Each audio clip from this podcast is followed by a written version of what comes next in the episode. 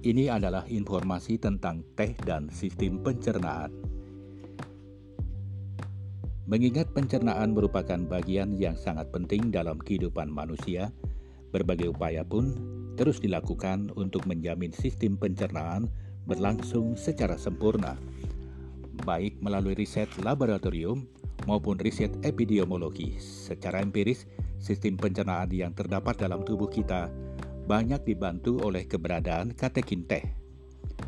Namun begitu masih diperlukan data secara ilmiah yang mendukung fakta-fakta empiris tersebut untuk membuktikan apakah teh diserap oleh saluran pencernaan, sekelompok peneliti dari Department of Nutritional Science and Dietetics University of Nebraska telah mengembangkan penelitian selama 56 hari bersama 10 orang relawan dewasa yang sehat dalam suasana laboratorium Selama empat kali percobaan dalam waktu 14 hari, semua relawan dewasa mengkonsumsi diet yang terkontrol.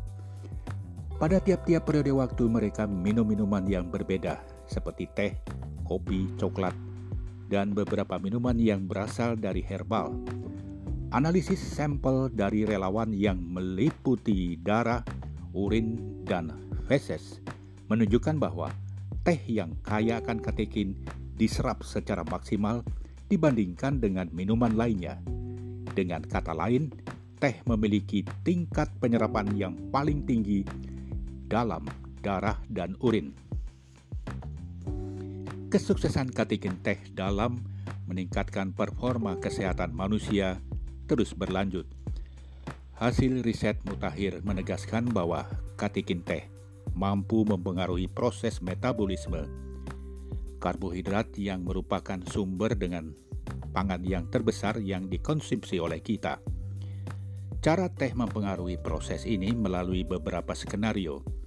Pertama, katekin mencegah fungsi enzim amilase, yaitu enzim pada saliva yang memulai proses pencernaan karbohidrat. Hal ini mengakibatkan penyerapan glukosa dari karbohidrat kompleks menjadi terganggu Kedua, katekin mencegah aktivitas enzim sukrose dan glukosidase yang penting untuk pencernaan karbohidrat pada usus kecil. Ketiga, katekin merubah mekanisme transport yang digunakan untuk membawa glukose melewati dinding atau selaput usus.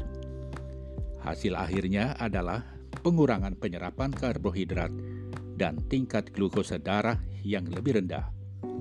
Alasan inilah yang paling meyakinkan mengapa teh sangat bermanfaat pada kasus diabetes maupun obesitas.